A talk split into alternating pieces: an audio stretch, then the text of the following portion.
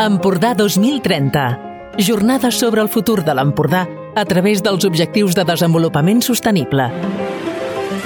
Comunitats sostenibles i habitatge social. Sobre el futur del planeta, del país o de la comarca se'n parla sovint des de múltiples mirades, probablement favorables a la persona o entitat que genera el debat. Però si parlem del Baix Empordà, hi ha una mirada que és de consens universal, si descomptem això sí els negacionistes, que és la dels Objectius de Desenvolupament Sostenible, els ODS. Segons les Nacions Unides, els Objectius de Desenvolupament Sostenible constitueixen una crida universal a l'acció per posar fi a la pobresa, protegir el planeta i millorar les vides i les perspectives de les persones a tot el món. El 2015, tots els estats membres de les Nacions Unides van aprovar 17 objectius com a part de l'Agenda 2030 pel desenvolupament sostenible, on s'estableix un pla per assolir aquests objectius en 15 anys. Benvinguts i benvingudes al cinquè capítol de la sèrie Empordà 2030, una producció de Ràdio Capital de l'Empordà que té la voluntat d'abordar aquests ODS des d'una visió centrada en la nostra comarca i en el seu futur. Parlem de turisme, de sostenibilitat, de mobilitat, d'educació. En aquesta primera edició d'Empordà 2030 abordem cinc mirades de futur de la comarca i concretament en aquest cinquè capítol girarem al voltant de l'accés universal a un habitatge adequat i assequible, la promoció del transport públic i la mobilitat sostenible i les millores de les condicions de vida i de la salut de les persones. Quins són els ODS, Maria, que abordem en aquest bloc? Doncs es treballaran principalment tres dels 17 objectius de desenvolupament sostenible marcats per l'Organització de les Nacions Unides. El primer és la salut i el benestar, el segon la reducció de les desigualtats i també a les ciutats i comunitats sostenibles. I per abordar aquests temes eh, tenim el programa d'avui diverses veus, el director dels serveis territorials de territori a Girona, que és el senyor Sergi Albric, el que saludem. Senyor Albric, benvingut. Bona tarda. La, també que és membre de l'Associació de Promoció de Transport Públic Estefania Molina. Senyora Molina, bona tarda, benvinguda. Hola, bona tarda. Tenim també amb nosaltres la regidora de Serveis i Acció Social, Igualtat, Habitatge i Salut de l'Ajuntament de Palafrugell, la senyora Margarita Mauri. Senyora Mauri, benvinguda. I el tenim eh, connectat remotament eh, el senyor José Tellez, que és membre de Sostre Cívic. Senyor Tellez, benvingut. No, no, gràcies, bona tarda. A més a més, parlarem també amb la directora assistencial dels Serveis de Salut Integrats del Baix Empordà, la senyora Anna Rivera. Tot això ho farem al llarg dels propers minuts aquí a Ràdio Capital, a l'Empordà 2030. Però abans de tot això, visitarem uh, Walden 21 de Sant Feliu de Guíxols. Ho farem amb un reportatge que ha preparat l'Anna Salvador. Empordà 2030.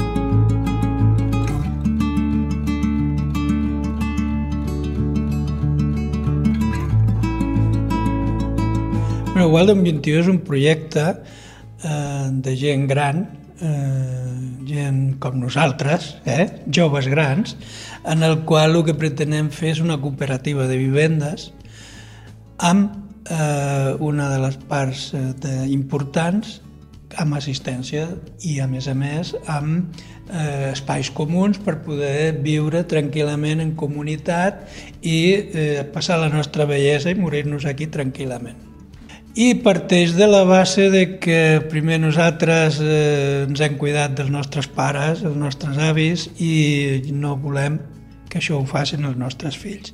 Per tant, aquest projecte significa eh, en molt, molt, molt gran part que nosaltres ens cuidarem, gestionarem com, buscarem gent que ens ajudi, però ho farem aquí i des d'aquí.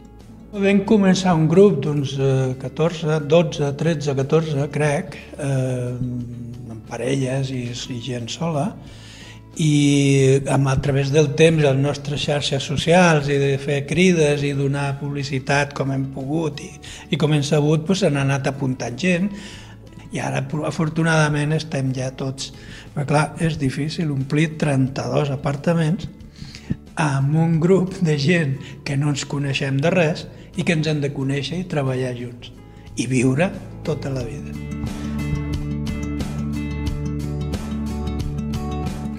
Els apartaments seran de 38 metres quadrats, molt quadradets, amb la qual creiem que ens hi cabrà tot. O sigui, en petites dimensions, però adequades a l'edat que tenim, que tampoc ens fa falta tantes coses. Aleshores, doncs aquí on tu estàs precisament hi ha la cuina, a darrere tenim la, el, el dormitori, el quarto de bany, i creiem que, que estarem bé.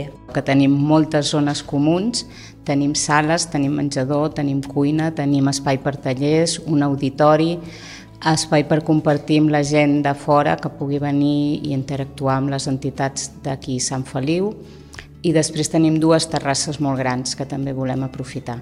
O sigui, la idea és fer poca vida a l'apartament i molta als espais comuns. Un dels motius el qual fem aquest tipus de cooperativa en sessió d'ús, que és especial, que no és ni compra ni lloguer, sinó que és una cosa intermitja, justament és per evitar l'especulació. És a dir, nosaltres viurem aquí tota la vida, pagarem eh, un, com una espècie de lloguer, perquè clar, la financiació s'ha de, de tenir, i eh, posteriorment es pagarà tot el que és el manteniment de l'edifici. Aquest sistema que tenim és molt més fàcil i pots estar tota la vida. Ningú et treurà i pagaràs sempre el mateix. Esperem que no es retorci res més ja, eh? després del Covid i, i la guerra aquesta de, que ens ha ficat, i l'altra guerra que està subjacent i, i que tot va pujant i la inflació que ens supera eh? perquè teníem uns pressupostos i se'ns han anat en orris i ara hem de fer uns altres i després de tot això esperem que al, al gener podem començar les obres ja directament i estarem un any i mig, dos anys a fer-les, o sigui que encara ens queda camí.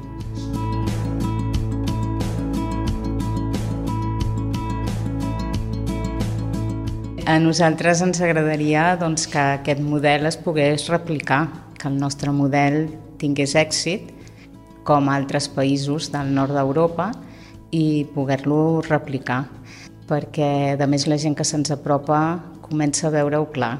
Primer érem nosaltres, quatre bojos, il·luminats, però ara la gent ens comença a fer molt més cas. S'ho comença a creure. Empordà 2030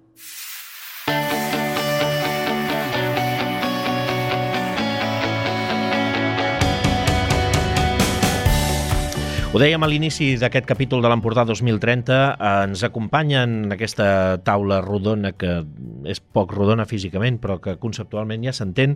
Ens acompanyen, dèiem, el director dels serveis territorials a Girona, el senyor Sergi Albric, la membre de l'Associació Promoció, de Promoció pel Transport Públic, Estefania Molina, la regidora de Serveis i Acció Social, Igualtat, Habitatge i Salut de l'Ajuntament de Palafrugell, la senyora Margarita Mauri, i també el senyor José Tellez, que és membre de Sostre Cívic, i amb qui comencem per una qüestió de la cortesia cortesia telemàtica que, que, que vaja, el tenim en remot i per tant eh, començarem amb ell. Um, dèiem, el senyor José Tellez, membre de Sostre Cívic, promou l'habitatge cooperatiu. Senyor Tellez, què diferencia l'habitatge protegit o què diferencia aquest model d'habitatge cooperatiu um, de l'habitatge protegit o el que es fa per col·lectius desafavorits? Bé, l'habitatge cooperatiu en sessió d'ús és una modalitat eh, alternativa a la compra i al lloguer, on són les, les pròpies eh, persones que hi viuen, eh, en forma de, de sòcies de la cooperativa, doncs s'autoorganitzen i s'autogestionen els seus propis habitatges.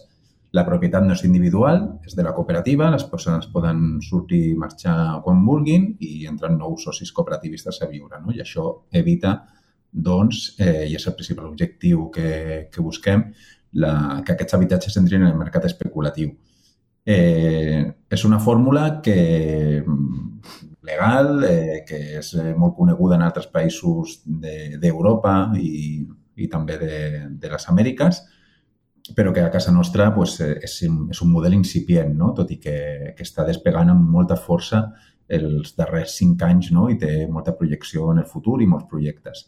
Eh, el principal desavantatge no? per a que aquest model pues, eh, pugui arribar a tenir uns percentatges del, del mercat total de l'habitatge com, de, com seria un 30%, no? com és, la, per exemple, la ciutat de Copenhague o d'un 2% com, com és el país de l'Uruguai, que són dos dels nostres referents internacionals on ens inspirem, és que són habitatges que sí que són assequibles perquè són a preu de cost, no estan en el mercat especulatiu, però la gent ha de fer una inversió. La gent ha, ha, de fer una petita inversió per costellar els costos d'aquests habitatges. No? I moltes vegades, tal com està el mercat especulatiu actualment, amb uns preus molt tensionats i molt inflacionats, doncs eh, fa que, que, que molta gent quedi fora no? perquè no té aquesta capacitat d'estalvi. De, no? Per això mateix busquem també molt la col·laboració pública amb molts ajuntaments eh, i, i finançament també bancari, tant de la banca ètica com de la banca pública de la Generalitat, de l'Institut Català de, l'Institut Català de Finances, perdó, per, per poder saltar aquestes barreres. Uh, senyor Tellez, des de, des de Sostre Cívic tenen vostès la, la sensació que s'està dipositant en iniciatives com la seva uh, una feina o unes atribucions que correspondrien segurament a, a les administracions? Bé, uh, sí, però, però ho fem de bon grat, diguem-ne. O sigui, evidentment, l'administració ha d'impulsar projectes de, de parc públic d'habitatge que en la nostra opinió, hauria de ser de, de lloguer social, gestionat per la pròpia administració, però moltes, eh, moltes, molts anys, no? Fin, això fins ara, la, la, la principal política d'habitatge que es feia des de totes les administracions era promoure la, la compra, no? I s'ha privatitzat molt de sol públic, molt d'habitatge públic, perquè era, era, un, era una política en contra de tot el que es feia a Europa i, i, i pràcticament al món occidental, no? que, que s'ha promogut un part de, de lloguer públic. Aquí, doncs, en canvi, es promovia eh, habitatges de protecció oficial que acabaven sent eh, propietaris de les persones que hi viuen, no? que després ho han acabat malvenent per la crisi en molts casos i a tot això ha acabat en la roda d'habitatge de, de, del mercat especulatiu no? I, i és un dels motius eh, de, de, de la inflació del preu que, que estem patint ara i un dels motius pels quals eh, Catalunya, l'estat espanyol, està molt a la cua no? en els percentatges d'un 2% comparats a la mitjana europea, que és d'un 20 i un 30%, no? perquè, perquè la política pública d'habitatge era fomentar la compra-venda. No? En canvi, que ara s'estiguin promovent eh, noves eh, alternatives d'habitatge, eh, les administracions eh, actualment tenen molt poques eines, sobretot l'administració local, que és qui pateix més eh, aquesta crisi d'habitatge, no? perquè és l'administració la, de darrera línia, no?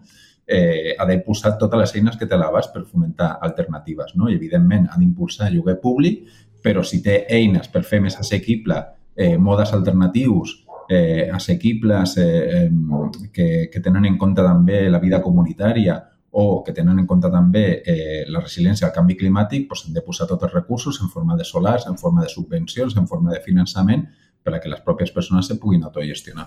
Ha dit vostè que hi han diverses iniciatives a, a nivell europeu que, que, vaja, que són exemplars. Citim, citim si té algunes referències de ciutat o de, o, o, o de ciutat o de poble gran, diguem-ne, en el qual algun dels pobles del Baix Empordà es pogués emmirallar? És a dir, no sé si em pot dir algun cas de bones pràctiques a nivell europeu que ens pogués servir aquí com a referència.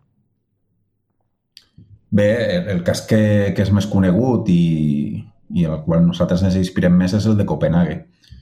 No, clar, no és comparable en cap ciutat del, de l'Empordà, no?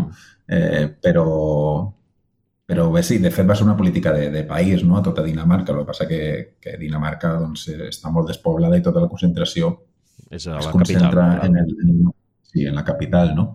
Però a Copenhague fa 30 anys que es va promoure a, a l'habitatge cooperatiu en aquesta modalitat de, de sessió d'ús i ara actualment és un, com us deia abans, és un 30% del parc total d'habitatge, no? I això també eh, fa que sigui a, a banda, a banda de, de... O sigui, és un model que conviu amb la compra i el lloguer a Copenhague. A Copenhague, evidentment, doncs hi ha edificis de compra i edificis de lloguer, com el que nosaltres coneixem, no? Clar, clar, clar. Però que existeixi una alternativa a, al lloguer i a la compra, com és l'habitatge cooperatiu en modalitat de, de, de, de, de dret d'ús, doncs eh, també fa de regulador de, dels preus, no? perquè si tens una alternativa assequible a preu de, de cost, diguem-ne, no? pues fa que els, que els altres preus no, no pugin tant. No?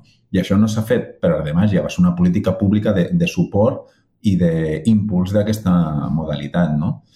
I actualment a l'Empordà doncs, eh, estem impulsant nosaltres eh, com a cooperativa, som la, la cooperativa més gran d'habitatges de Catalunya i som actualment les que tenim més projectes a l'Empordà.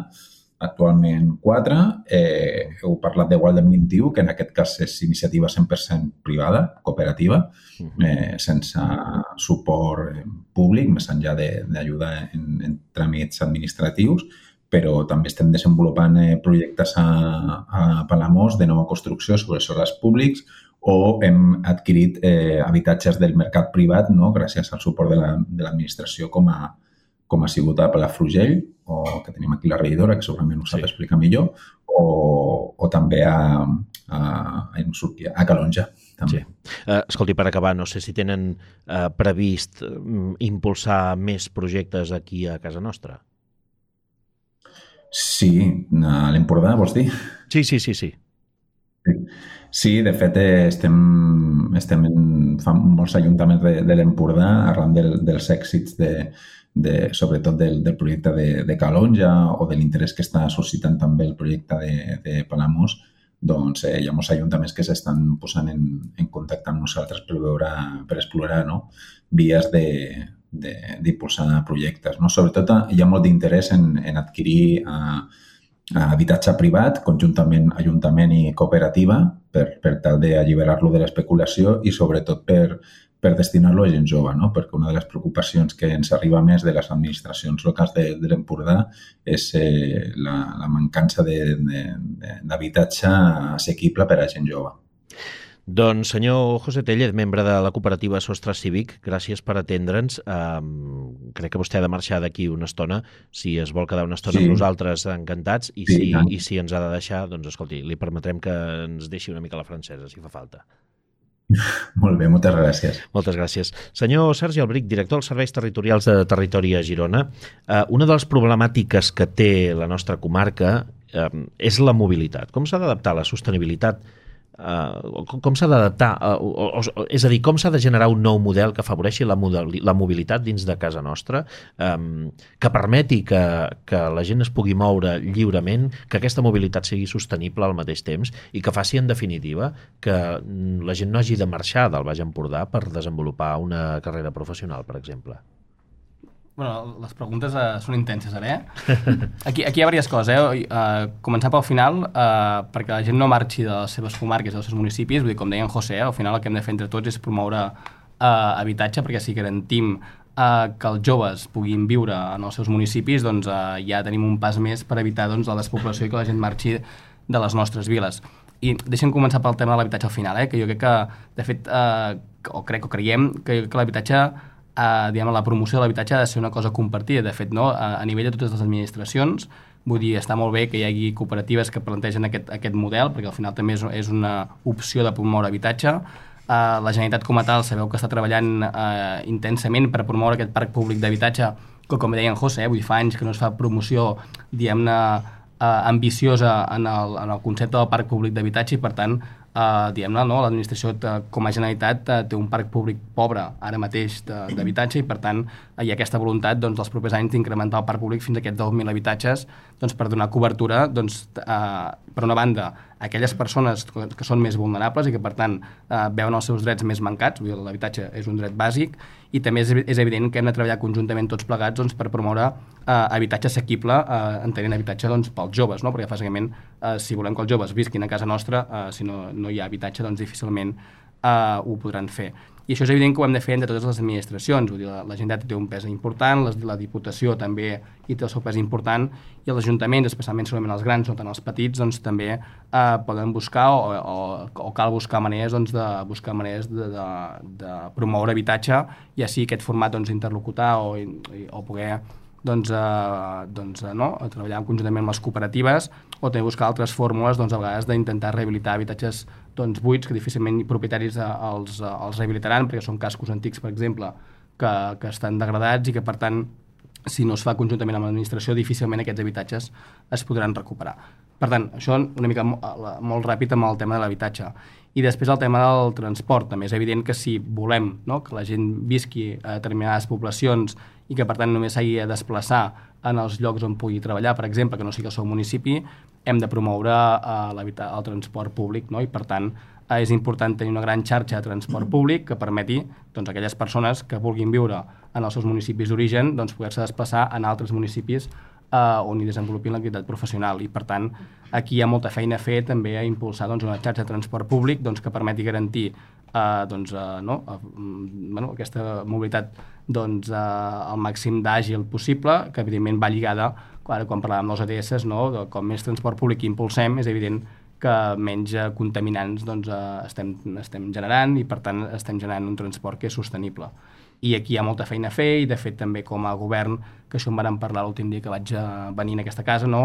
Uh, s'està impulsant, per exemple, a nivell de, de govern, uh, treballant amb cada comarca, en aquest cas la demarcació, i també amb el Baix Empordà, doncs una, uns estudis de mobilitat d'aquelles línies de transport doncs, que són més necessàries a nivell, de, en aquest cas, de comarca, i per tant és important doncs, tenir aquestes diagnosis uh, fetes i un cop tinguem la diagnosi del que fa falta a nivell de mobilitat, uh, doncs evidentment cal no, les partides pressupostàries doncs, per anar-les uh, diguem-ne duent a terme i per tant uh, l'objectiu sempre és uh, treballar per aquesta millor connexió del conjunt de nuclis, en aquest cas una comarca sempre parlem de Baix Empordà, per tant sempre els nuclis més grans són els que estan millor connectats, podem treballar també perquè els més petits es puguin connectar amb els més grans.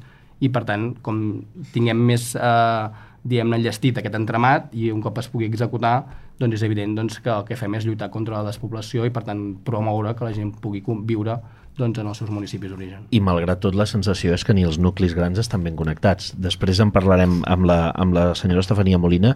Um, aquestes últimes setmanes, amb la negociació del govern espanyol, s'ha parlat molt sobre el traspàs de Rodalies, no? Eh, el que no es diu gaire és, o que no es diu, o, o, o es dona per o, o no, o no s'entén com a traspàs de Rodalies aquelles línies que afecten a una zona, per exemple, com la nostra. Eh, aquí hi ha una mancança molt important de connexió del Baix Empordà amb, amb el ferrocarril, eh, ho dèiem abans de començar aquest programa, no? hi ha un desajust enorme amb, la, amb, amb, amb les línies d'autobusos que connecten els diferents pobles amb l'estació de tren que hi ha a Flaçà o la de Caldes de Malavella. Per tant, això ens porta a preguntar directament, eh, quan vostè em parlava de diagnòstic, gairebé que li diria, no, no, escolti, el diagnòstic és que s'ha de millorar això de, com a punt de partida. Hi ha marge de millora, hi ha marge de solució d'aquest problema, perquè algú que vulgui anar de Palafrugell a Barcelona no s'hagi d'esperar 40, 50, 60 minuts a l'estació de Flaçà, per exemple jo, jo parteixo de la base, jo sempre uh, sóc optimista de mena, per tant, sempre tot allò que sigui millorable, és evident que si és millorable vol dir que es pot millorar, per tant hi ha feina a fer.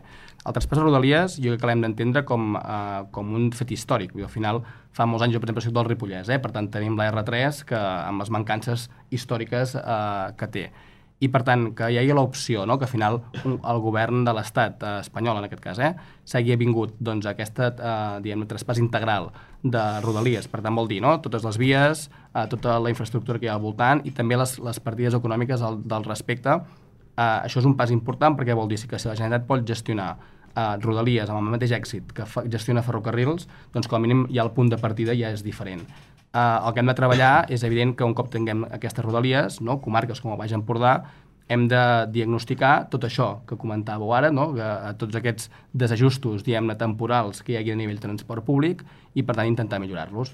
Aquesta diagnosi que estem treballant amb el Consell Comarcal a nivell de millora de la xarxa de transport públic doncs és una diagnosi on hi cap absolutament tot. No? Si, per exemple, hi ha altres línies que existeixen i cal reajustar-les, doncs posem-nos-hi, sentem-nos i mirem doncs, que, què hem de fer doncs, per garantir doncs, que la gent, no? allò, ras i curt, no perdi el temps eh, més del compte per haver-se de desplaçar de casa seva fins al lloc de treball. No? Per tant, intentem de veure què es pot reajustar.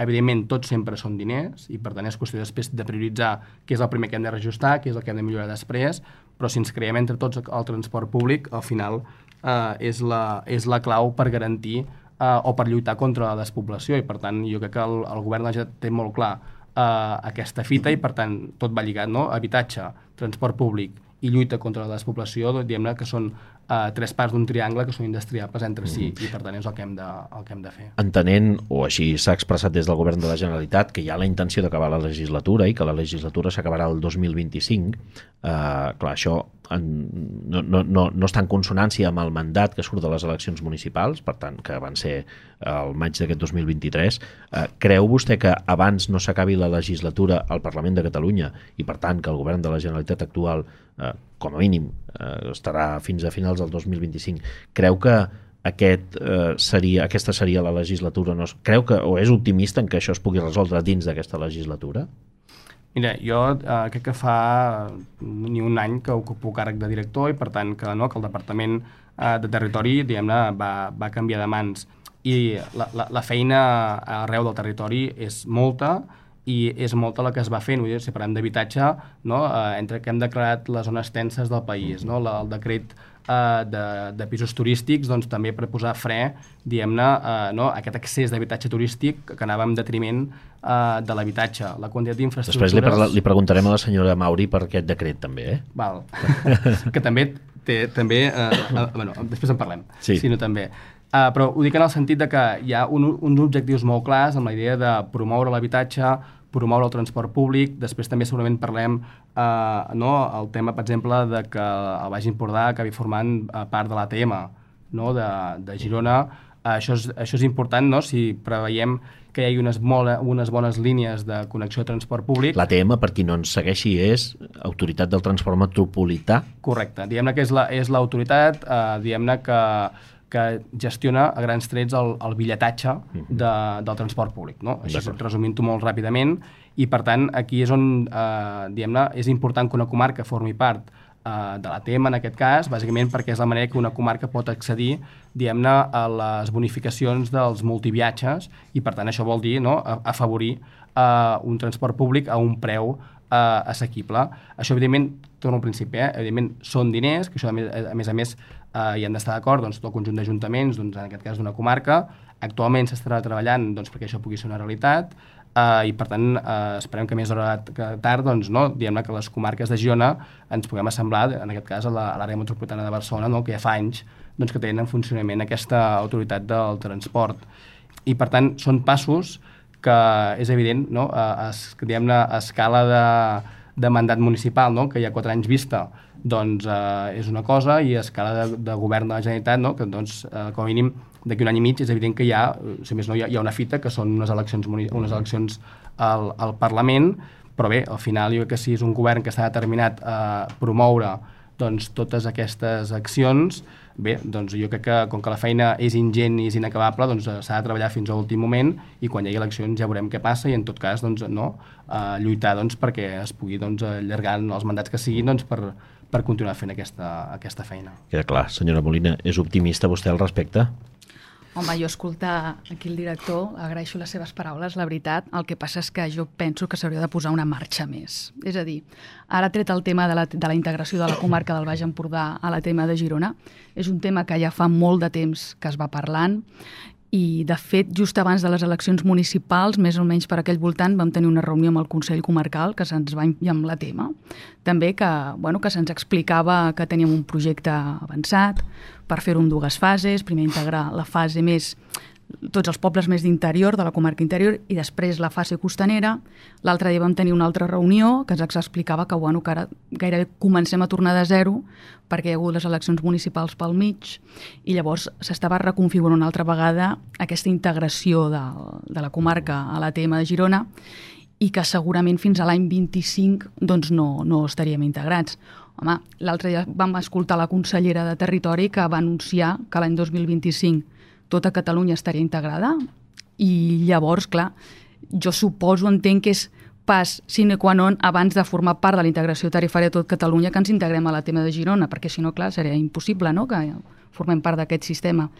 Llavors, bueno, jo el que li demanaria al director és que, si plau, en consonància també amb els, amb els, amb els ajuntaments, eh? perquè al final els, els ajuntaments han de fer una aportació per cada habitant que tenen per formar, per formar part d'aquest consorci. Vull dir, que aquí hi ha diverses administracions que estan implicades, que, si plau que posem una marxa més i que intentem no demorar més aquest tràmit que també és administratiu, eh, perquè es posa d'acord els diferents ajuntaments perquè facin la seva aportació. Obtenir els recursos, evidentment, que ha, de, que ha d'aportar la Generalitat, no? perquè al final doncs, el bitllet, és el que comentava ell, formar part de la TM de Girona directament segurament faria que els bitllets de transport, el, el que és cada, cada viatge, ens baixés un 40 o un 50% el, el cost, eh, el, el, el viatger. Llavors, eh, és una oportunitat, una oportunitat que no podem perdre, que l'hem de fer quan abans millor, i després també el tema de la connexió que parlàvem de, de, dels diferents autobusos amb la coordinació amb, el, amb els trens. No? no pot ser que una persona que es vulgui desplaçar en transport públic fins a Barcelona doncs, hagi de recórrer el seu vehicle perquè no estan coordinats els diferents, els diferents horaris. No? Hi ha cosetes que jo crec que potser no hauria de demorar-se molt i molt i que en els propers mesos podria ser una realitat. Uh, escolti, vostè és membre de l'Associació de Promoció del Transport Públic. Uh, van presentar el projecte del tren tram de la mm-hmm. Costa Brava per connectar diversos municipis de la comarca en, quin punt està el projecte? Sabem que es va entrar, eh, sabem que hi ha, hi ha un compromís amb una dotació pressupostària per fer un estudi. En quin punt està això? No sé si han hagut canvis els últims mesos. Doncs mira, ara mateix eh, l'empresa que va guanyar diguem-ne, l'adjudicació de, de l'estudi de viabilitat, té els estudis bastant avançats, de fet ens han convocat a una reunió per al proper dia 21 de desembre, a les 6 de la tarda, perquè aquesta empresa doncs, ens explicarà ja una mica doncs, com van els treballs, quines són les primeres conclusions i aleshores doncs, ja podrem començar a veure eh, de què va tot això. Eh? De veure doncs, quines són les millors alternatives, veure quins són els estudis que ha fet aquesta empresa i en un principi, al mes de gener, els estudis ja haurien d'estar conclosos. Per tant, queda ben poc per, per conèixer quins són els resultats. Uh, és una solució real, tangible a tots aquests problemes que dèiem, aquest tren tram? Nosaltres concebem el projecte del tren tram perquè es configuri com, diguem-ne, l'espina dorsal de la mobilitat per al canvi de paradigma a la mobilitat a la nostra comarca. És a dir, al final el que creiem és que el ferrocarril és el, el, el mitjà de transport més eficient en quant a consum d'energia, de, i també en quant a freqüències de pas, també perquè és molt fiable i també perquè pot portar més passatgers que qualsevol altre mode de transport públic.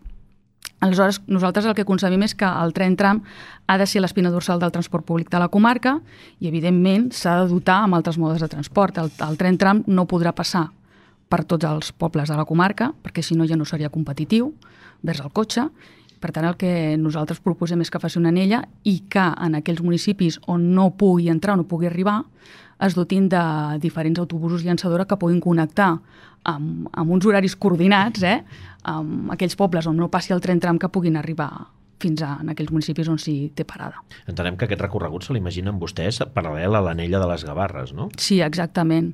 O sigui, tenim una comarca que ja ha estat prou trinxada amb, amb les diferents actuacions en, en carreteres, en desdoblaments que es van invertir molts milions d'euros i que tornem a veure ara les carreteres a l'estiu completament col·lapsades. Eh? Dir, perquè al final això de la mobilitat, si invertim... Clar, és que durant molts anys s'ha invertit en, en molt transport públic i molt de tren a Barcelona i a la resta de comarques se'ns ha deixat oblidats, eh? S'han invertit molt en carreteres, en desdoblar carreteres. I fixis, i cada dia sentim a parlar d'averies per manca d'inversió, també, eh? Sí, sí, sí, sí, sí. Bueno, clar, està clar, no? Però bueno, a mi ja m'agradaria tenir el transport públic a Barcelona, eh? aquí a la comarca del Baix Empordà. Però realment, clar, al final eh, hi ha hagut una deixadesa per als diferents governs de la Generalitat. Mm, no s'ha invertit en transport públic, s'ha invertit en carreteres i, per tant, i el que s'està demostrant també és que per no desdoblar una carretera no te garanteixes que en 10-15 anys torni a col·lapsar-se. Eh? Això és com que, imagina't que mm, doncs jo vaig al metge perquè tinc un problema d'hipertensió i un problema també doncs, eh, de colesterol, no?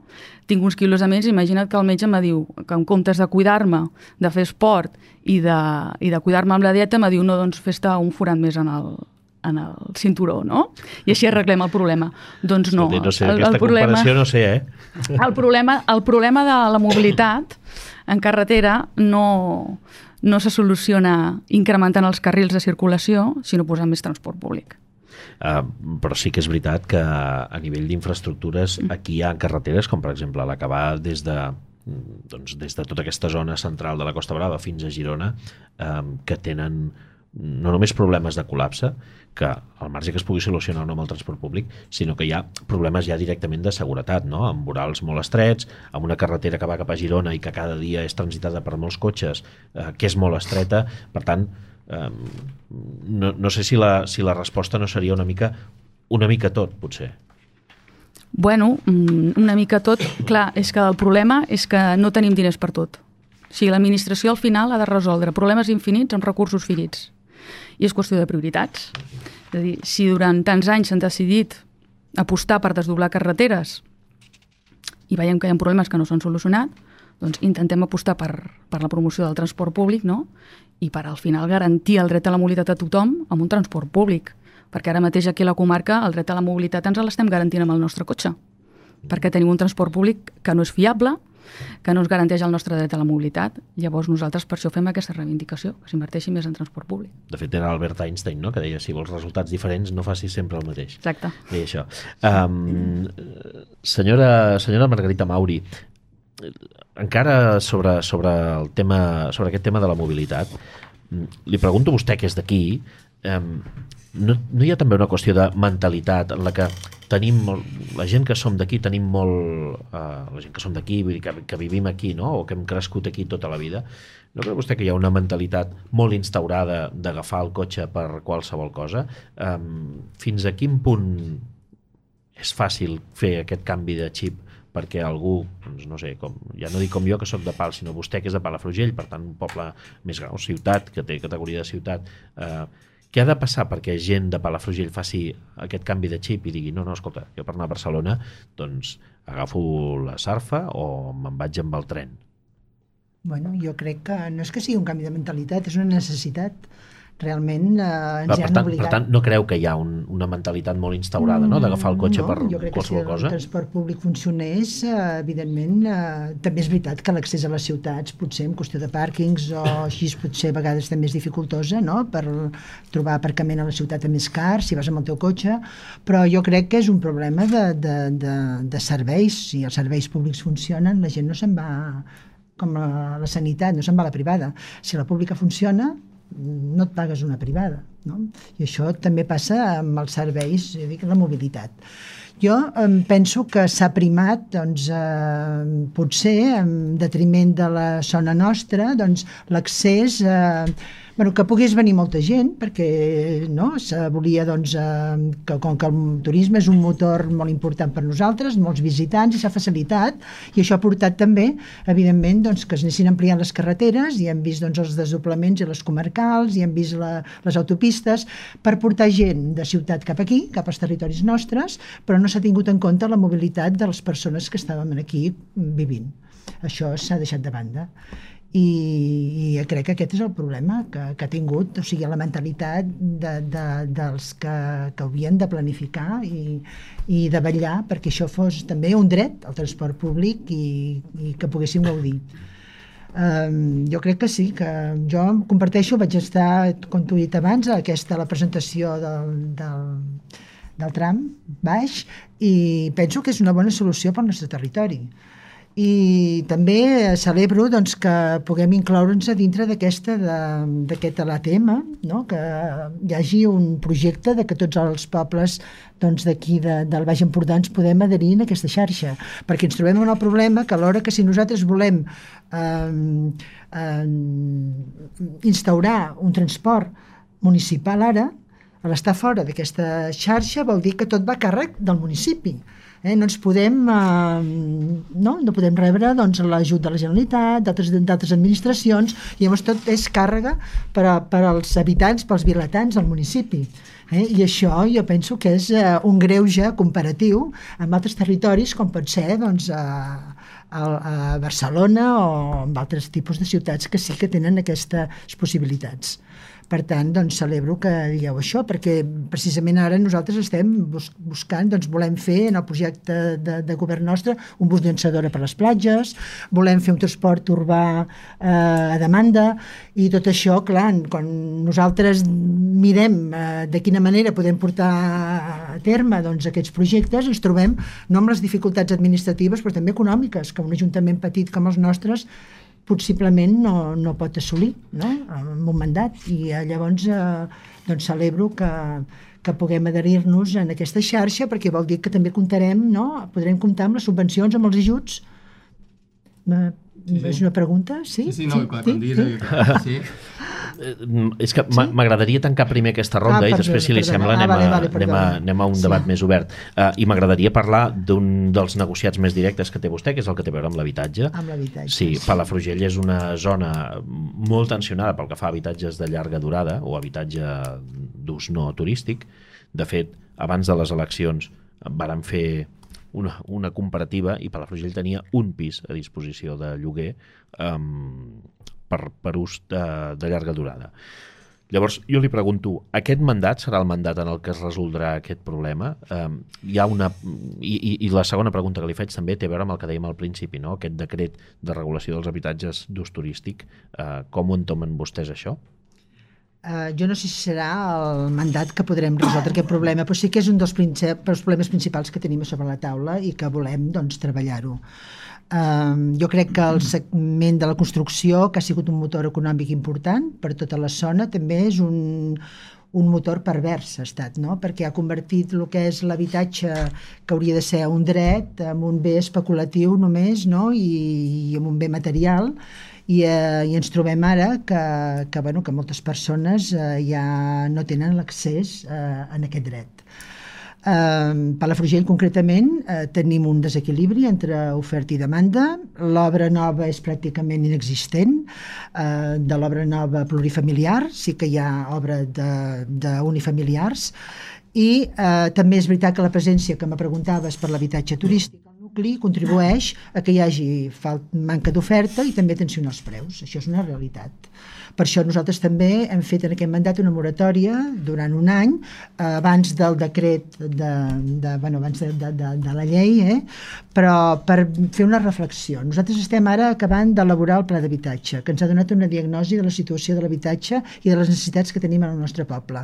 I una de les, eh, diguem que en els, en els processos participaci de participació que hem fet amb, amb, amb el sector polític, amb els tècnics, amb, el, amb la ciutadania, amb entitats socials, eh, posaven sobre la taula sobre que doncs, l'elevat nombre d'habitatge turístic eh, en el municipi doncs, eh, era un problema per, per als preus i per l'accés de les persones. Eh, llavors, eh, ja diguem, hi ha poca oferta, Palafrugell és cara i poc assequible, sobretot per rendes mitjanes i per rendes baixes.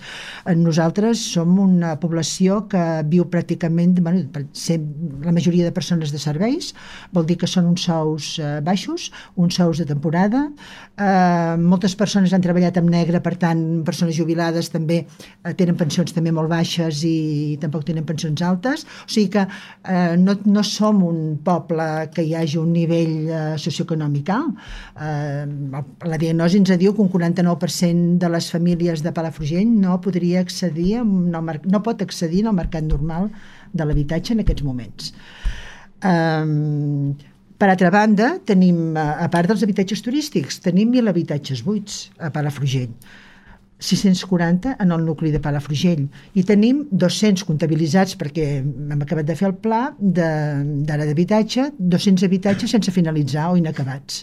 Eh? Per tant, diríem que teníem, teníem, tenim una, una situació de, de, que abans de construir, que, que a vegades ens diguem la gent, home, eh, quines polítiques fareu d'habitatge? Construireu habitatges perquè falta? Bueno, centrem-nos, mirem la realitat que tenim, fem la diagnosi, tenem les possibilitats i resolem totes aquestes eh, coses que anem trobant en l'elaboració del pla. Doncs escolti, deixi'm que li pregunti, aquests 640 habitatges, com, eh, quines accions pot fer un ajuntament com el de Palafrugell perquè bueno, es posin al mercat a disposició d'aquestes rendes més baixes? Una de les accions que ja surten ara en el, com hem aprovat els pressupostos és eh, penalitzar amb un increment de l'IBI que, del 50% o del 100% els habitatges buits. El que passa que sí que és veritat i, i que a vegades costa de determinar què és un habitatge buit. Nosaltres, eh, el pla nostre ens diu eh, per als consums d'aigua, però a veure, mm, això també és una, és una dada que és la més objectiva que podem tenir,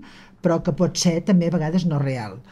Penseu que tots aquests habitatges buits la, uh, bueno, són en mans també d'entitats financeres però també de, de particulars. Llavors nosaltres pensem, home, si mobilitzéssim aquests habitatges buits que poguéssim accedir amb ells i posar-los a la nostra bossa de lloguer social doncs bueno, ja ens estalviem de construir a 200 o sigui, és un puzzle que hem d'anar ara doncs uh, uh, trebant per mirar de trobar aquesta solució en aquesta problemàtica real que tenen les persones de Palafrugell.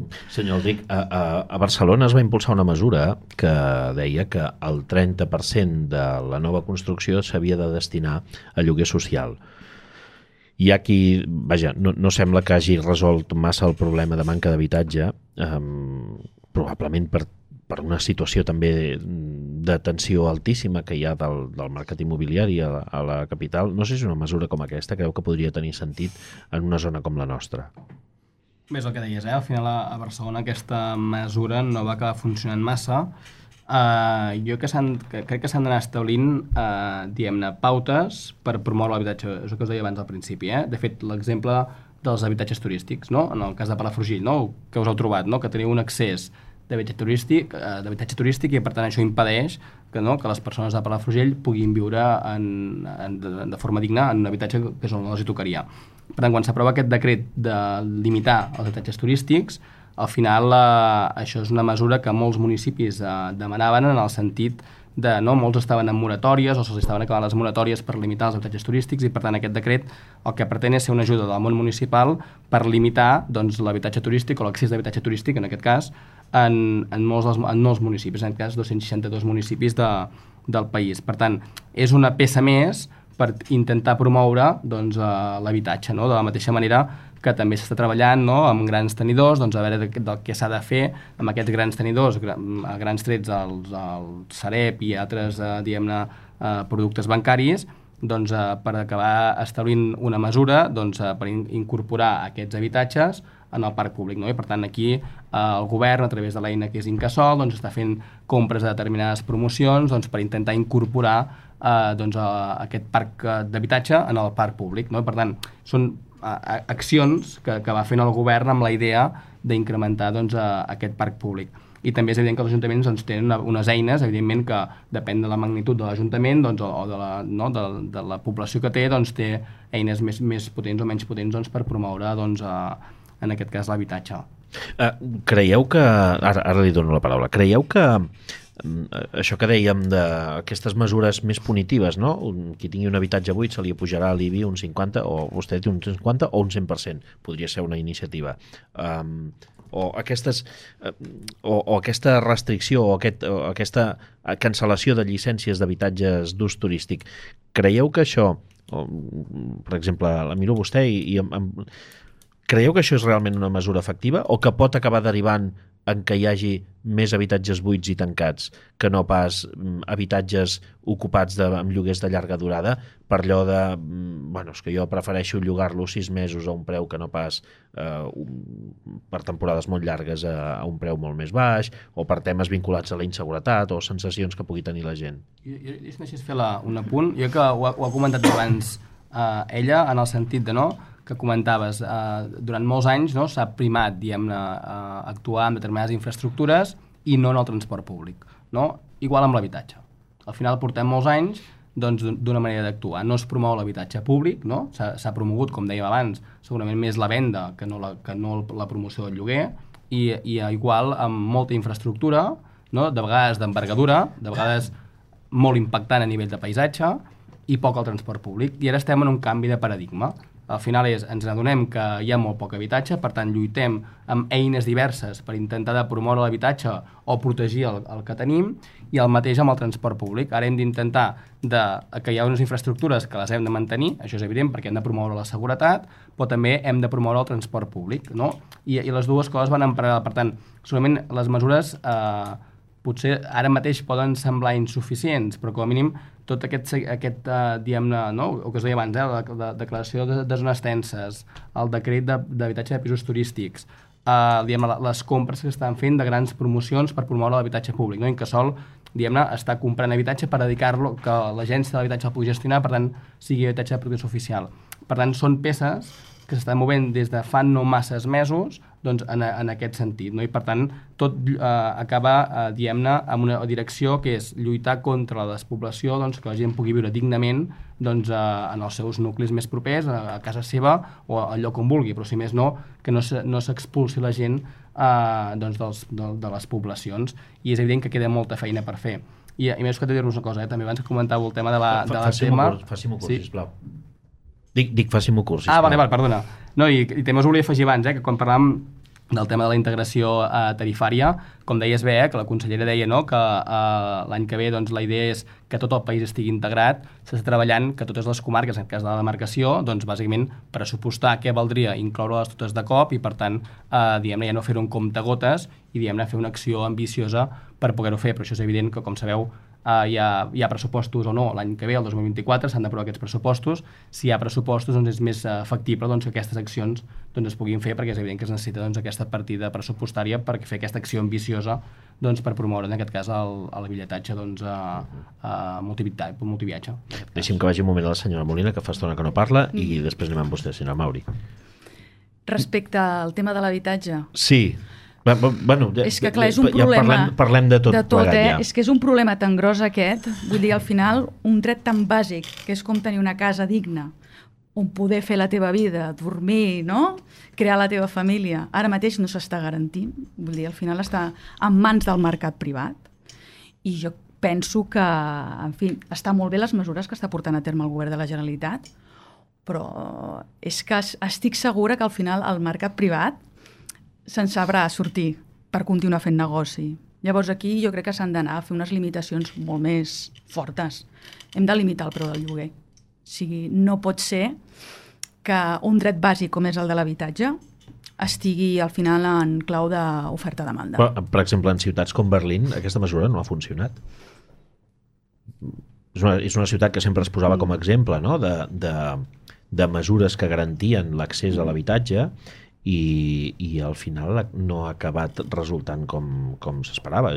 Tothom posava Berlín com a exemple i no, no ha funcionat limitar el preu del lloguer. Bueno, perquè segurament el que han fet els, els, les persones que són propietàries han decidit doncs, no llogar-la i vendre'l. Per això, per això preguntava no, clar, abans, no? Que... Per això preguntava clar. abans sobre, sobre si s'imaginen si això, aquestes restriccions de llicències d'ús turístic o, o mesures d'aquest tipus que no acabin eh, esdevenint en cases buides per una qüestió de precaució, pel que sigui, no? Mm -hmm. um, perquè s'està parlant més depèn d'aquest tipus de mesures que de la promoció d'habitatge públic mm -hmm. i al final que no quedem, allò que no sigui pitjor el, remei que la malaltia. No, al final deu ser, o sigui, és, ha de ser una combinació d'actuacions perquè si només actues per un front se t'escaparà cap un altre, no? I al final ha de ser una combinació d'actuacions en política pública.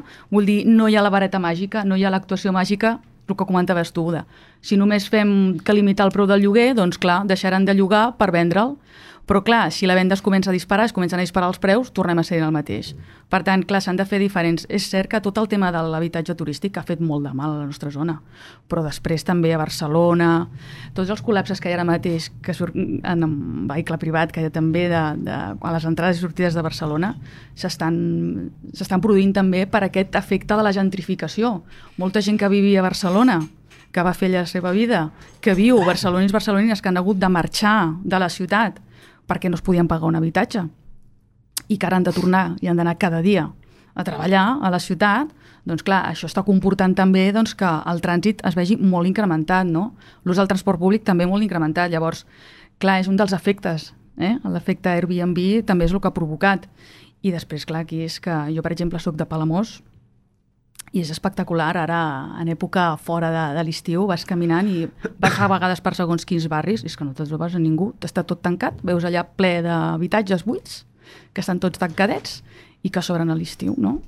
I clar, és una llàstima, és una llàstima perquè al final és com que els nostres pobles perden com l'essència, no?, del veïnatge, del trobar-te, no?, amb el veí la veïna, i, i clar, o sigui, al final s'ha de trobar l'equilibri, no? Està clar que la nostra comarca necessita del turisme, no? És un de, diguem-ne, és un sector molt potent per a l'economia del nostre, de la nostra comarca, però s'han d'obrir altres fronts també, no?, per, vull dir, diversificar eh, els ingressos de la comarca, l'economia de la comarca no es pot basar només en el, en el turisme. Com comentava la regidora, abans comentaven una mica de, del perfil no? de, dels veïns i veïnes de Palafrugell, no?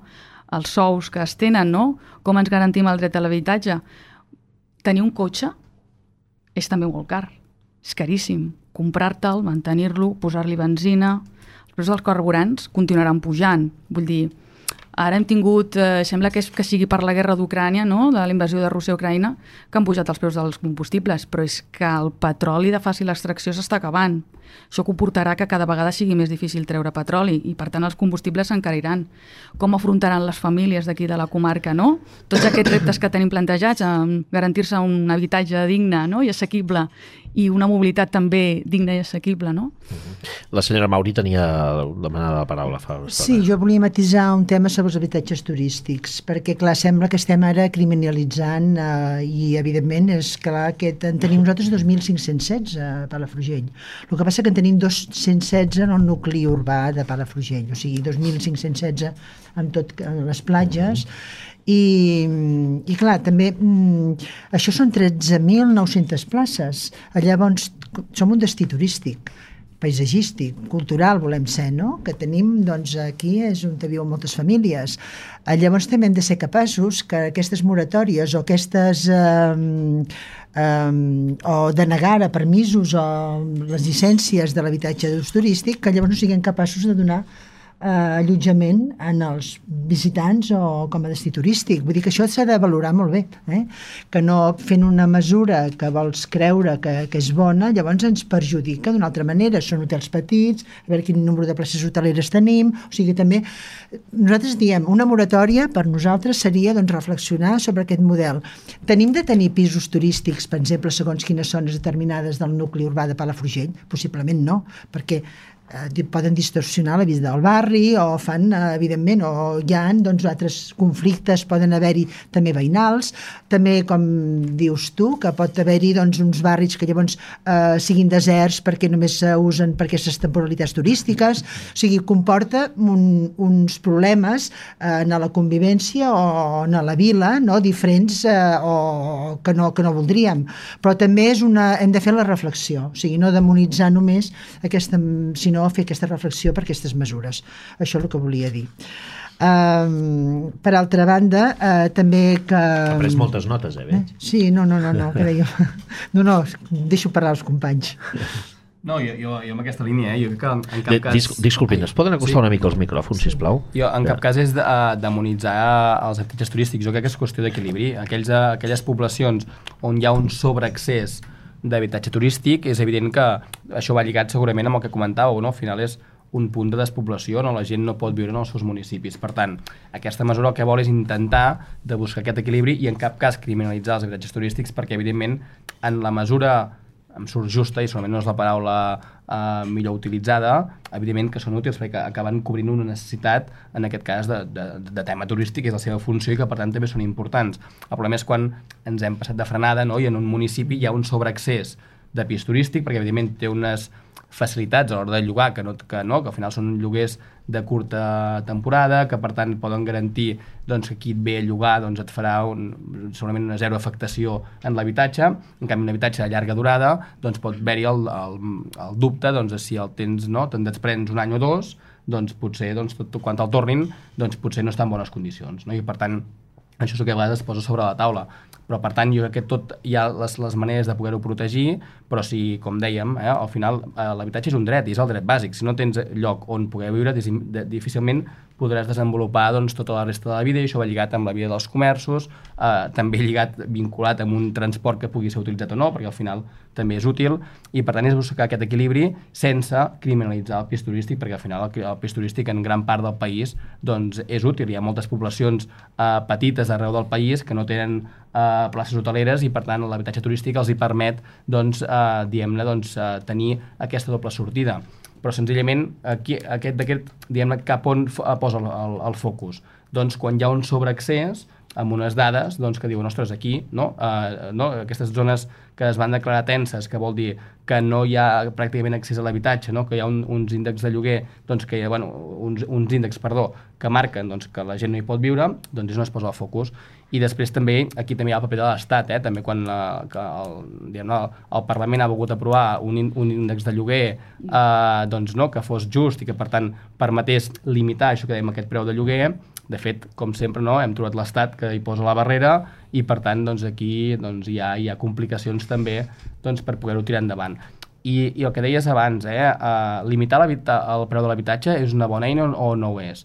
Si aquesta fos l'única eina per promoure l'habitatge, potser sí que ens estaríem equivocant, però és el que dèiem abans, al final, jo crec que l'habitatge uh, i promoure l'habitatge uh, són moltes les mesures que s'han de prendre, no? i aquestes les pot prendre el govern de la Generalitat, també els ajuntaments, amb la mesura que puguin doncs, eh, poder actuar doncs, amb les eines que tenen, que sempre són més limitades, i per entre tots intentar de promoure que el, el resultat global sigui que hi hagi habitatge eh, públic, que pugui ser accessible i que, per tant, evitem que la gent hagi de marxar dels seus municipis. I, per tant, com més anem cap aquí, de fet, és un canvi de mentalitat del que veníem fent els, els últims anys.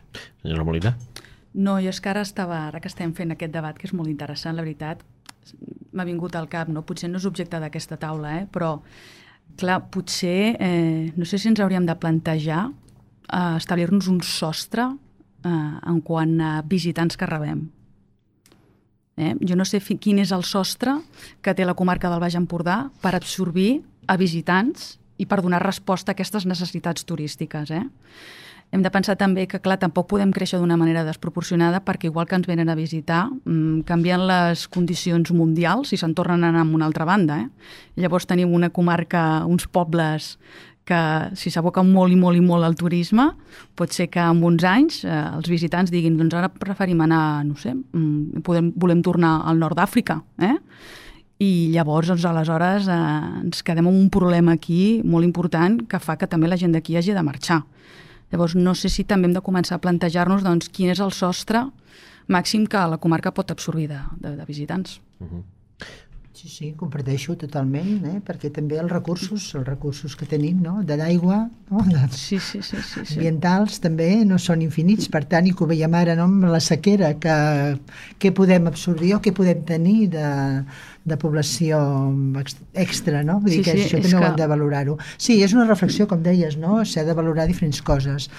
Um, però bé, um, uh, també, com deies, mesures només uh, punitives per les persones o les, els habitatges desocupats que podem uh, fer doncs, per gravar, uh, perquè per obligar-los a que posin a disposició doncs, de, de, del lloguer els seus habitatges buits, deia, jo dic, bueno, també podem fer al revés, no? mesures que premin a les persones que ens posen a la bossa habitatges del municipi, que és el que nosaltres també estem fent des de, des de les polítiques municipals.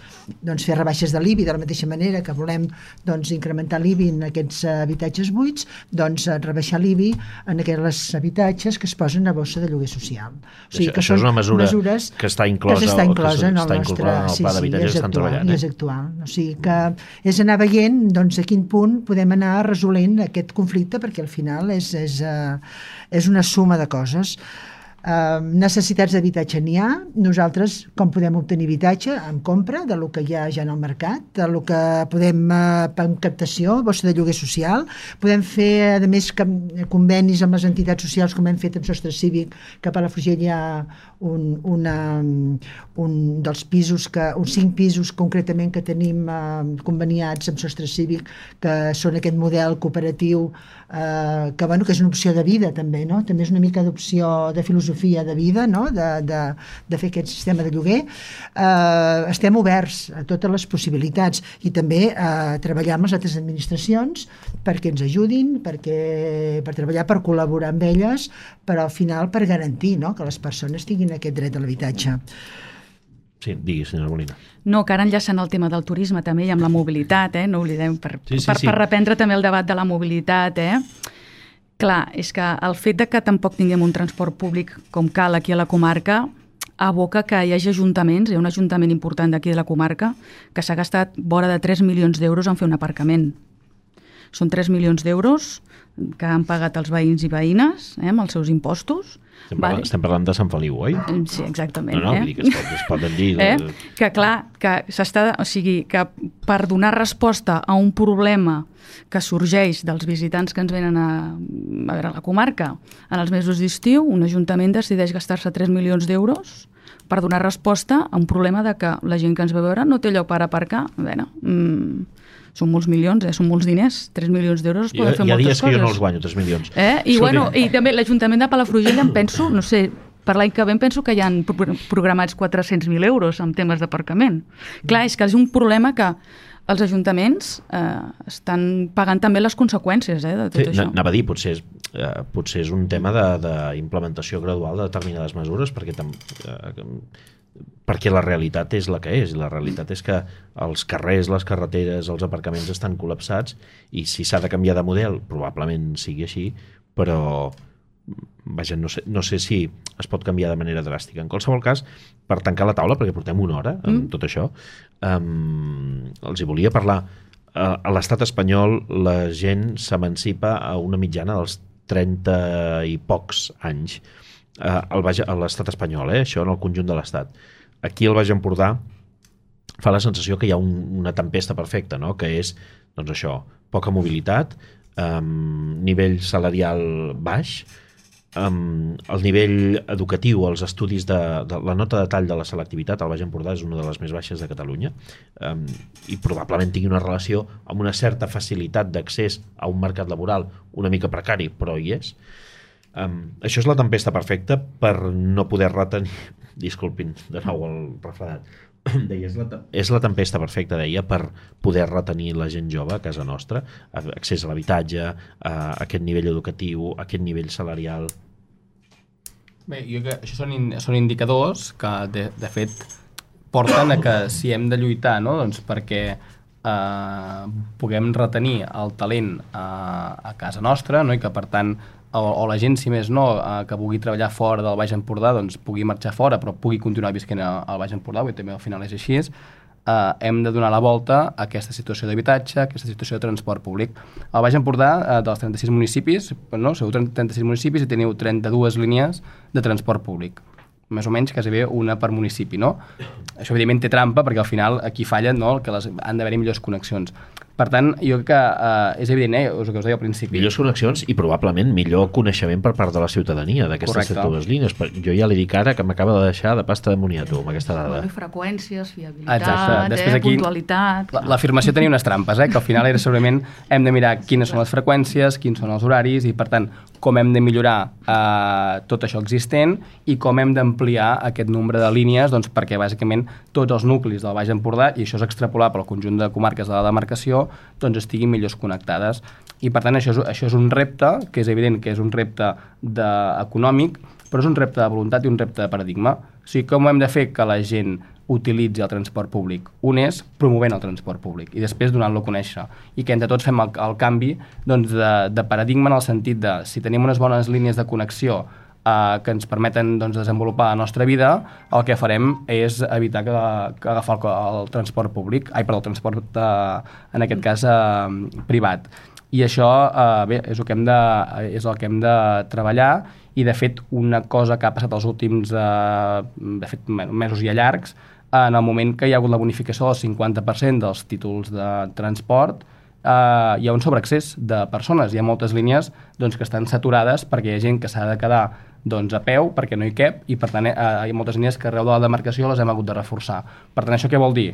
Que si hi ha un bon transport públic i hi ha bones connexions i hi ha bons horaris, la gent prefereix, evidentment, la comoditat i la seguretat d'agafar el transport públic. I, per tant, això com a administració és el que ens toca fer i el que ens hem de conjurar tots plegats doncs, perquè els propers anys, doncs, eh, no, ara que dèiem, no, els últims anys no n'hi ha hagut, doncs els propers hem de promoure que hi hagi molt transport públic per donar la volta i això lligar-ho amb l'habitatge i promoure doncs, que la gent pugui viure eh, on vulgui i que, per tant, evitem la, la despoblació de les nostres comarques ningú vol dir res més. Sí, on no hi ha transport públic s'incrementen les desigualtats. Per les persones amb discapacitat, per les persones amb menors ingressos, per la gent gran, pels joves i les joves. Hem de garantir una mobilitat sostenible, assequible, segura i de qualitat. Fa falta a la comarca del Baix Empordà per garantir-nos els nostres desplaçaments del dia a dia, per anar a l'hospital, per visitar la família, per anar a l'escola, per anar a l'institut, per anar a treballar. Ara no el tenim garantit, aquest dret. Senyora Mauri, vol dir alguna cosa més? Exactament, el mateix que dius. Eh? Jo em desanima molt, com surto de Palafrugell, i al cap d'una hora encara sóc a Sant Feliu, amb, amb transport públic. Uh, escoltin, per tancar, deixi'm que els hi faci allò, pregunta de resposta molt ràpida. Què creuen que se solucionarà abans? L'accés a l'habitatge o el transport públic? Uh, senyora Molina, va, comenci. No, miri, va, anem fent teva meva. Senyor Aldric, comenci vostè les línies paral·leles eh, existeixen, per tant ho hem de treballar tot paral·lelament. Vaja, ja, ja, ja m'estranyava. Uh, doncs ni idea, la veritat és que no en tinc cap. Que se solucionarà primer del municipi o en general? Uh, el, estem parlant de nivell Baix Empordà, però vaja, si vostè m'ho vol centrar per la Frugell... Jo ja espero solucionar un, el tema de l'habitatge, que és el que em correspon a mi, i el tema de la mobilitat, doncs espero que també, però no, no correspondrien a mi. Jo espero solucionar el tema de l'habitatge. Senyora Molina, és vostè tan optimista com ells o... S'haurien de solucionar els dos, mm però penso que l'administració pública té molta més capacitat d'incidència en el transport públic que no pas en l'habitatge. Per tant, creu que abans resoldrem aquest, aquest sí, problema, eh? Sí. Escoltin, gràcies per venir, eh, per ser-hi, per respondre una vegada més a la crida d'aquesta emissora. Um, ara, en, aquesta, en aquest capítol de l'Empordà 2030, la Maria Alzina parlarà amb la directora assistencial de Serveis de Salut Integrats del Baix Empordà, perquè si la mobilitat i l'habitatge són allò pilars del benestar de les persones, la salut ja ni els explico. Doncs amb l'Anna Rivera parlarem sobre aquest tema abans de tancar el capítol d'avui. Empordà 2030 la salut és un dels puntals quan parlem del benestar de les persones i per això avui també ens, ens visita Anna Rivera, la directora assistencial dels Serveis de Salut Integrats del Baix Empordà. Bon dia, Anna. Bon dia.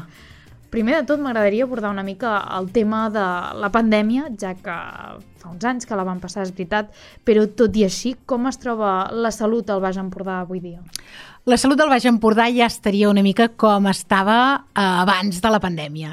És a dir, ja hem recuperat tota l'activitat, ja tornem a tenir hiverns i estius com els que teníem just abans de la pandèmia.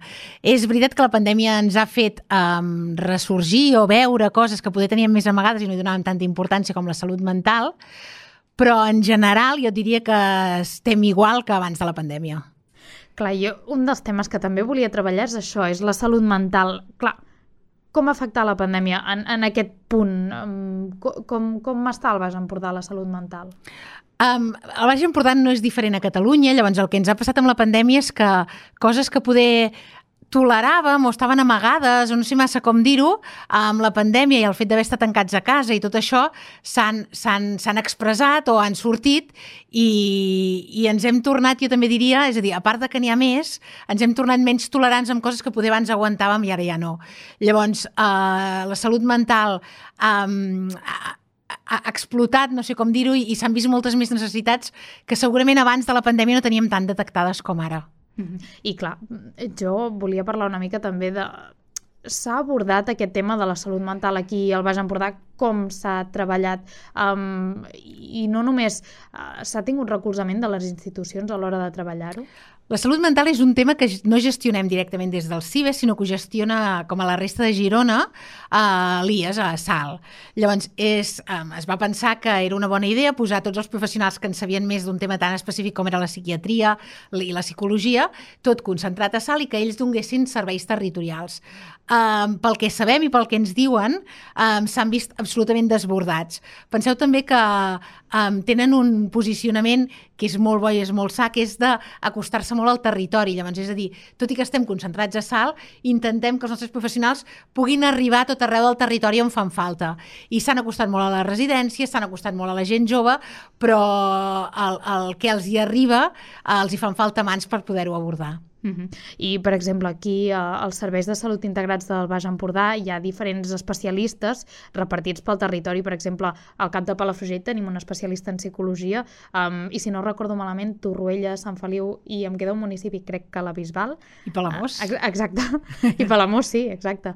Um, que treballen amb, amb, aquests, amb, amb la salut mental, al final. És una mica diferent, eh? És a dir, per una part, hi ha tota la, la banda d'aquest que us explicava de Sal, que també ens arriben a l'atenció primària, venen professionals, ve una psiquiatra i ve una psicòloga a fer assistència, fer una assistència com eh, una primera visita per encarar aquell pacient perquè pugui ser seguit per l'atenció primària, per donar unes indicacions, per veure cap on va i, i deixar-lo un altre cop amb seguiment de l'atenció primària. I llavors hi ha tots aquests nous professionals que van aparèixer a l'atenció primària, que en diem els referents de benestar emocional, que són psicòlegs, que aquests estan encarats més a tot un tema comunitari, més a la prevenció i a, a intentar detectar aquelles coses que estan més amagades i, i sobretot, intentar prevenir um, que a partir d'activitats més grupals, més comunitàries, que la salut mental del territori empitjori. Mm -hmm. I no sé si durant els últims anys aquesta salut mental ha empitjorat, vull dir... Um, després de la pandèmia, com, com estem? Jo, jo et diria que no ha empitjorat, simplement que han sortit més necessitats de les que teníem controlades. Llavors, um, si ho mires per necessitats, dius, home, hi ha molts més pacients, però abans aquests pacients ja hi eren. Simplement que um, toleràvem unes situacions que jo crec que ara ja, ja veiem que no són normals i demanem ajuda. Mm. Llavors, entre l'abans i el després, jo, jo, no hi ha hagut res que hagi fet que de cop i volta malaltim molt, com va passar amb el Covid, que de cop i volta havíem d'anar tots a l'hospital perquè no podíem respirar. Simplement que han ressorgit coses que abans no hi donàvem la importància o les toleràvem o inclús les donàvem per normal i no tocava. I, clar, això, um, aquest accés més, uh, més demandat quan parlem de salut mental s'ha notat en les llistes d'espera? Vull dir, com es troben aquí al Baix Empordà? És fàcil poder accedir a aquests serveis que al final és per ajudar a la nostra salut mental? Clar, les llistes d'espera, això sí que tot depèn de sal, i aquí jo ja no les conec, i sí que intentem, és a dir, el que podem fer des del CIBE és que l'atenció primària sigui el més resolutiva possible, pugui resoldre el que eh, està en el seu àmbit sense haver de derivar res que es pugui resoldre des de l'atenció primària, és a dir, fer esperar algú que no té cap sentit que sigui visitat per un psicòleg o per un psiquiatre i que el metge de capçalera ho pot resoldre. Això és el que estem treballant des del CIBE per evitar el col·lapse de serveis com el de salut mental i molts d'altres serveis um, de salut. És la part que ens toca a nosaltres, intentar que la primària sigui el més resolutiva possible, que és la, part, és la part de la salut o de l'assistència que està més a la vora de, de la població. Mm -hmm. I, clar, vull dir, ho resoleu de manera eficient amb, amb, aquest, amb aquesta derivació, si ho pot resoldre el metge de capçalera o um, ho heu de derivar cap a serveis més um, rellevants. Especialitzats. Com és... Exacte, sí, sí, especialitzats és la paraula. sí. I, clar, vull dir, com, com s'afronta aquesta pandèmia de salut mental que ve després de la pandèmia del coronavirus uh, des de una, una entitat com els serveis de salut integrats de Baix Empordà? Aquí és el que et dic, però és una mica amb tot, eh? t'ho dic tant amb salut mental com amb les altres especialitats. El que hem d'intentar és que l'atenció primària sigui molt resolutiva, que tot el que es pot resoldre allà, el pacient no s'hagi de desplaçar a l'hospital o a un altre centre perquè pugui ser resolt. Llavors, eh, és veritat que el peron de la pandèmia ens va portar unes llistes d'espera que, com que no fèiem activitat, es, i, i vam és a dir, com que vam parar i llavors vam començar a fer consulta externa i l'activitat de quiròfan o de proves diagnòstiques diagnòstiques o de consulta externa de l'hospital no anava al mateix ritme, va fer que les llistes d'espera poder s'eixamplessin una mica o es fessin més grans. És veritat que hem passat un parell d'anys, sobretot aquests dos últims, intentant que aquestes llistes d'espera es facin el més petites possible i no només és el número de gent que hi ha en llista, sinó el temps amb el que els atenem. Val? És a dir, nosaltres el departament ens demana uns temps que hem de complir per atendre aquests pacients. Llavors, és intentar que el màxim de gent ens entri en aquests temps que, que ens demana el departament. Llavors, eh, per part de primària, treballar tota aquesta resolució, és a dir, no posar en cua una cosa que no toca, i per part de l'hospital, intentar fer anar la màquina el més ràpid possible per poder donar resposta en el temps que se'ns demana en les diferents especialitats, proves diagnòstiques, quiròfan o el que necessiti el pacient. Mm -hmm. Perquè, clar, tot això d'un temps vull dir, el temps que els metges o els professionals estan atenent um, a, als pacients, uh, com ho determina el departament? Perquè, és clar tampoc um, va bé que sobresaturem algú en, a, en la seva feina. És com aquell dia que tu vas a un restaurant i hi ha una llista d'espera d'una hora. Vull dir, com, com s'aconsegueix això? Com es treballa això des de, per exemple, el departament o els serveis de salut? El, el departament ens mira com tres grans blocs, que serien um, quiròfan, consultes externes i proves diagnòstiques. Et parlo de l'hospital. Mm -hmm. val? Uh, L'única manera de fer anar, d'escurçar la llista, per exemple, d'un quiròfan, és fer anar el quiròfan uh, al màxim de productivitat que puguis. És a dir, tantes hores té el dia, tantes hores fas anar el quiròfan. El problema és que tenim els professionals que tenim i tenim els quiròfans que tenim. És a dir, um, l'Hospital de Palamós és petit, té cinc quiròfans, que un es fa servir per urgències i la resta es fa servir per activitat programada, i aquests quiròfans funcionen matí i tarda i al màxim de capacitat, és a dir, que si ens, ens hi caben dos pròtesis no només n'hi posem una, si ens hi caben um, set catarates no n'hi posem cinc. Llavors, intentem um, que els processos siguin el més àgils possibles perquè tenint en compte la seguretat, qualitat i tot, ens hi capin el màxim de, de pacients possible, és a dir, anar els quiròfans el més ràpid que puguem. Les proves diagnòstiques és un altre cas, és a dir, aquí també hem de fer anar les màquines, al més només tenim una màquina d'atac, només tenim una màquina de ressonància, i eh, per això a vegades hi ha gent que els truquem per fer ressonàncies a la nit, però és perquè només hi ha una màquina i el que fem és fer anar la màquina tot el dia, totes les hores que té el dia. I això a vegades truquem, hi ha temporades obrim de nit, i truquem perquè vinguin a les 4 del matí, a les 5 del matí, que si la gent ho pot fer, així d'alguna manera fem, eh, escurcem la llista d'espera que té la ressonància. I les consultes externes també tenim un problema de capacitat, és a dir, l'Hospital de Palamós té les consultes externes que té i o comencem a visitar la gent a les nits i els caps de setmana o ja no, ens ni, ja no podem fer més consulta. Llavors, també és demanar als professionals que facin tanta consulta com puguin amb l'espai que tenim. Mm -hmm. Clar, tot, tot, tot això vull dir, és sorprenent no? que un hospital digui a les 4 del matí vostè té cita i, i hem de fer la prova a aquesta hora. Vull dir, les persones quan els hi arriba aquesta informació com s'ho prenen? Perquè jo, a mi m'ha sorprès. Hi ha, hi ha de tot. Hi ha, hi ha persones que normalment la gent jove ho pot fer i no té cap problema i ve a la nit i fa la, i fa la ressonància i, i prefereix fer-la més que haver-se d'esperar un temps per poder venir una hora mhm. -huh. més, més laboral, dit així, sí. i hi ha gent que ens diu que aquella hora no pot venir i evidentment se li canvia, només faltaria, no farem venir ningú que no pugui venir a no, les hores de... Vull dir, que ens intentem adaptar, però clar, si només tens una màquina i ja, ja de 8 a 8 està absolutament ocupada, l'únic que et queda és obrir-la de nit. Mhm. -huh. Llavors, per això hi ha mesos que fem això per, per netejar també llista d'espera. Mhm. -huh. I, és clar, a mi m'agradaria parlar també una mica de la inversió en, el, en la salut. Vull dir, durant els últims anys sí que hem vist un treball per intentar que, que, bueno, que, que funcioni una mica més. Um, clar, I una de les notícies que es va desvetllar aquest any va ser um, doncs, l'anunci de que l'Hospital de Palamós es quedaria a Palamós, Uh, clar, com ho afronteu això des dels serveis de salut integrats del Baix Empordà? Vull dir, no és, no és una cosa que es, va, que es faci en els propers anys, perquè és molt... Uh, és un procés laboriós. Ara estem veient que, per exemple, heu obert les enquestes per començar a configurar aquest pla funcional. Um, clar, tot això, com, com, com ho veieu? Com veieu aquest futur? Amb, amb molta il·lusió, és a dir, el tema del nou hospital és molt necessari perquè, penseu, els que coneixeu l'Hospital de Palamós, està al mig de Palamós, no tenim absolut cap capacitat per créixer, perquè ens hauríem de menjar cases o carrers i això és absolutament impossible. Um, I aquest creixement, per poquet que es pugui, és un creixement que no és massa funcional. És a dir, ara ja creixem com podem, per raconets, per passadissos que ens el mengem, i, i això fa que um, els serveis no siguin massa funcionals. Llavors, fa molta il·lusió i és molt necessari. Com us dic, um, l'Hospital de Palamós està ja amb una capacitat molt alta, és a dir, no ens queda massa marge per treballar més amb l'estructura que tenim. Llavors es veu molta il·lusió. Tot i així és, un, és, és com dius, és un procés llarg, és un procés que des de que el diuen fins que passa, passen molts anys, um, hi han períodes en els que hi ha gent treballant i no es veu, llavors això acaba cansant o acaba desanimant, poder. Um, llavors hi han com diferents protagonistes aquí.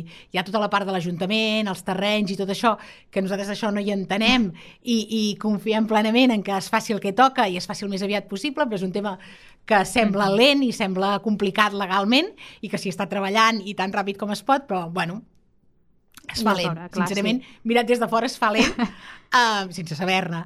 Llavors hi ha tota la part del Departament de Salut, o el CatSalut, que una mica és el que pagarà aquest centre, i llavors hi ha la part del, del, del CIBE, que el que estem fent amb la confiança del CatSalut és treballar tot el pla funcional, que no és tant um, fer un plànol de com ho volem, sinó parlar amb arquitectes de com volem treballar.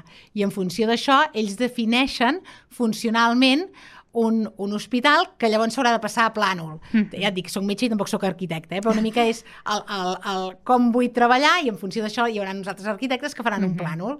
Llavors ara s'estan entrevistant amb tots els professionals, caps de servei, una mica, i se'ls hi pregunta um, què els hi agrada del que tenen ara, què els hi agradaria tenir, què, què voldrien mantenir, mm -hmm. què mm-hmm. voldrien treure, i en funció d'això s'està fent tot un pla funcional, servei, servei per servei, és a dir, la part de planta, la part d'urgències, la part de farmàcia, la de cuina, i amb això estem treballant ara. També s'ha fet una enquesta a nivell de professionals, perquè està clar que els arquitectes no es podran reunir amb tots els professionals. No, Hem demanat als comandaments que recullin idees, hi haurà professionals que pel que sigui no hi podran participar d'aquesta manera i hem obert una enquesta també mm -hmm. perquè es Mhm. puguin expressar i també volem sentir el, el, els, els usuaris que també ens diguin què pensen i incorporar aquestes idees a dins d'aquest pla funcional.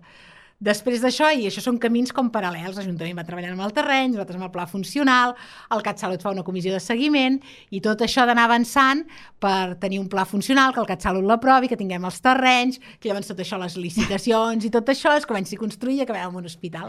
Vull dir, no sé si havia de ser cap al 2030 llargs, que Sí. havia de, de finalitzar l'hospital. Ara m'aventuraria a dir una data i segur que m'equivoco. És que tampoc te la puc dir jo. Vull dir, és clar, tot Sí. Això depèn de, de, de com funcioni. Clar, tot això, uh, hi hauria possibilitat de que en aquest hospital hi hagués una àrea dedicada més extensament a la investigació, per exemple, perquè uh, un dels factors que s'ha vist uh, durant els últims anys i que genera molta inversió és la investigació en el, en el món hospitalari, també farmacèutic. Clar, tot això seria possible en el futur hospital de Palamós? Uh, és possible però és complicat, perquè l'Hospital de Palamós és un hospital petit, és a dir, tot i fer-lo nou i fer-lo més gran, és un hospital que atén a la població de la, de, de la comarca del Baix Empordà. Llavors, um, per fer investigació, per fer assajos, per fer recerca, normalment necessites una, uns tamanys de, de pacients una mica grans, que o tots tinguin la mateixa patologia o tots tinguin la mateixa sintomatologia, en el que tu puguis, um, mitjançant les proves que vulguis o fer el que sigui, extreure d'una hipòtesi, extreure si això és veritat o és mentida. Llavors, hospitals petits és complicat que facin investigacions com pot fer un Vall d'Hebron o pot fer un Bellvitge, um, és, és molt complicat pel tamany de l'hospital. Llavors, normalment el que fem és o es fan estudis molt petitets um, i llavors, el, el, si algú li interessa, ja els fa créixer, mm -hmm. O ens ajuntem amb estudis més grans, de manera que um, diferents hospitals participen del mateix estudi, de la mateixa investigació, de la mateixa recerca, i així la N és molt més gran i entre tots tenim més potència. Mm -hmm. I tornant al tema del nou hospital de Palamós, um, hi podrem trobar nous serveis? Perquè, és clar no és només la població d'aquí del Baix Empordà, sinó que a l'estiu creixem, vull dir, ens multipliquem bastant en xifres de població. Municipis com Palafrugell, municipis com Begú, municipis com Platzaro, um, els arriba una gran quantitat de població hi hauria la possibilitat de que hi haguessin nous serveis que ara mateix no pot tenir l'Hospital de Palamós pel tema de, de mida? Um, no, nous serveis et diria que no, perquè això està molt estipulat. És a dir, el Departament de Salut intenta que um, qui faci unes intervencions en faci mínim unes quantes per ser suficientment expert i ho faci bé. És a dir, no tindria cap sentit que aquí operéssim algú que només en féssim un a l'any, perquè no, estaria, no estaríem assegurant que aquell professional que ho està fent té la suficient expertesa com per fer-ho bé amb només un professional a l'any. Llavors, um, això està com molt um, delimitat i, i ens diuen a partir de què podem fer i què no podem fer. Um, és veritat que tenim el sentiment aquest de que l'estiu arriba moltíssima gent, però penseu que aquesta gent sol ser gent sana. Val? És a dir, la gent que ve aquí l'estiu és sana i el que fa és que ens omple eh, el servei d'urgències, que és molt petit. Però és, no sol ser gent que ingressi molt.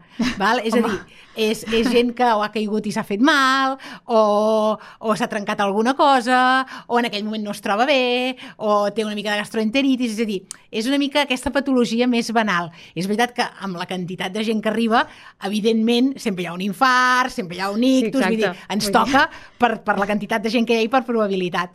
Però eh, això no surt dels serveis que ja fem a l'hivern, poder en menor mesura, però que ja ho estem fent amb la població que hi ha aquí. Per tant, serveis nous, dit així, no, però per exemple, estic pensant que poder, eh, amb un servei de medicina interna, podria desenvolupar molt més tot el tema de la unitat de, de, de, de VIH, Mhm. val? i passar a ser, a acreditar-se com a unitat de VIH. Això ens ho podríem pensar també en el futur si tinguéssim més espai. Um, ens podríem plantejar que, per exemple, nefrologia pogués obrir tot un tema de hemodiàlisis domiciliària, però això ja ho podria fer ara, perquè això és a domicili. Tots aquests serveis no depenen tant de l'espai, sinó de- de- d'acreditacions i de complir tots els requisits que ens demanen. I tot això nosaltres, en la mesura que podem, ja ho anem intentant fer, intentant que l'Hospital de Palamós, insisteixo en el que us deia al començament, Sí. ser el més resolutiu possible, que la gent pugui resoldre tot el que puguem fer nosaltres, fer-ho aquí. Però, evidentment, el que us deia, hi ha coses que no les podem fer aquí perquè no tenim suficient i no estaríem donant un bon servei i no asseguraríem una qualitat. I això també és feina nostra, eh, dir fins aquí sí o això, fins aquí ens la juguem. I ja per acabar, um, el que m'agradaria preguntar-li és que, quin, quin és el futur d'aquest hospital de Palamós i també dels serveis de salut integrats del Baix Empordà? Quin és uh, el futur que esperen? Um, nosaltres esperem anar millorant. És veritat que tenim bastants bons resultats i això el Departament i el CatSalut ens ho reconeixen a nivell de Catalunya.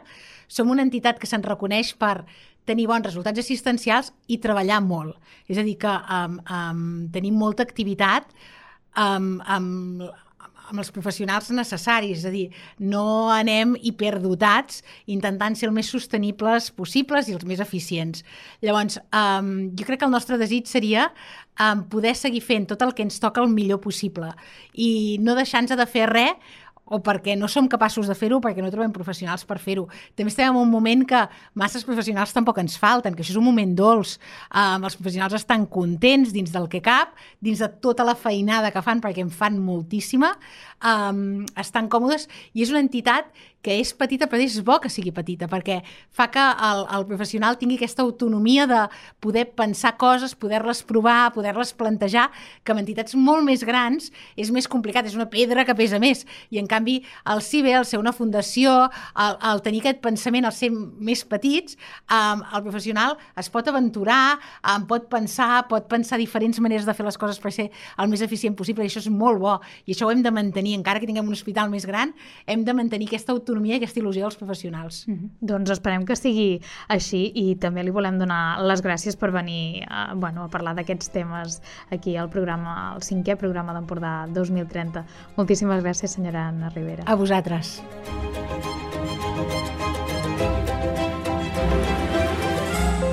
Empordà 2030 a radiocapital.cat amb el suport de la Generalitat de Catalunya. Sempre endavant.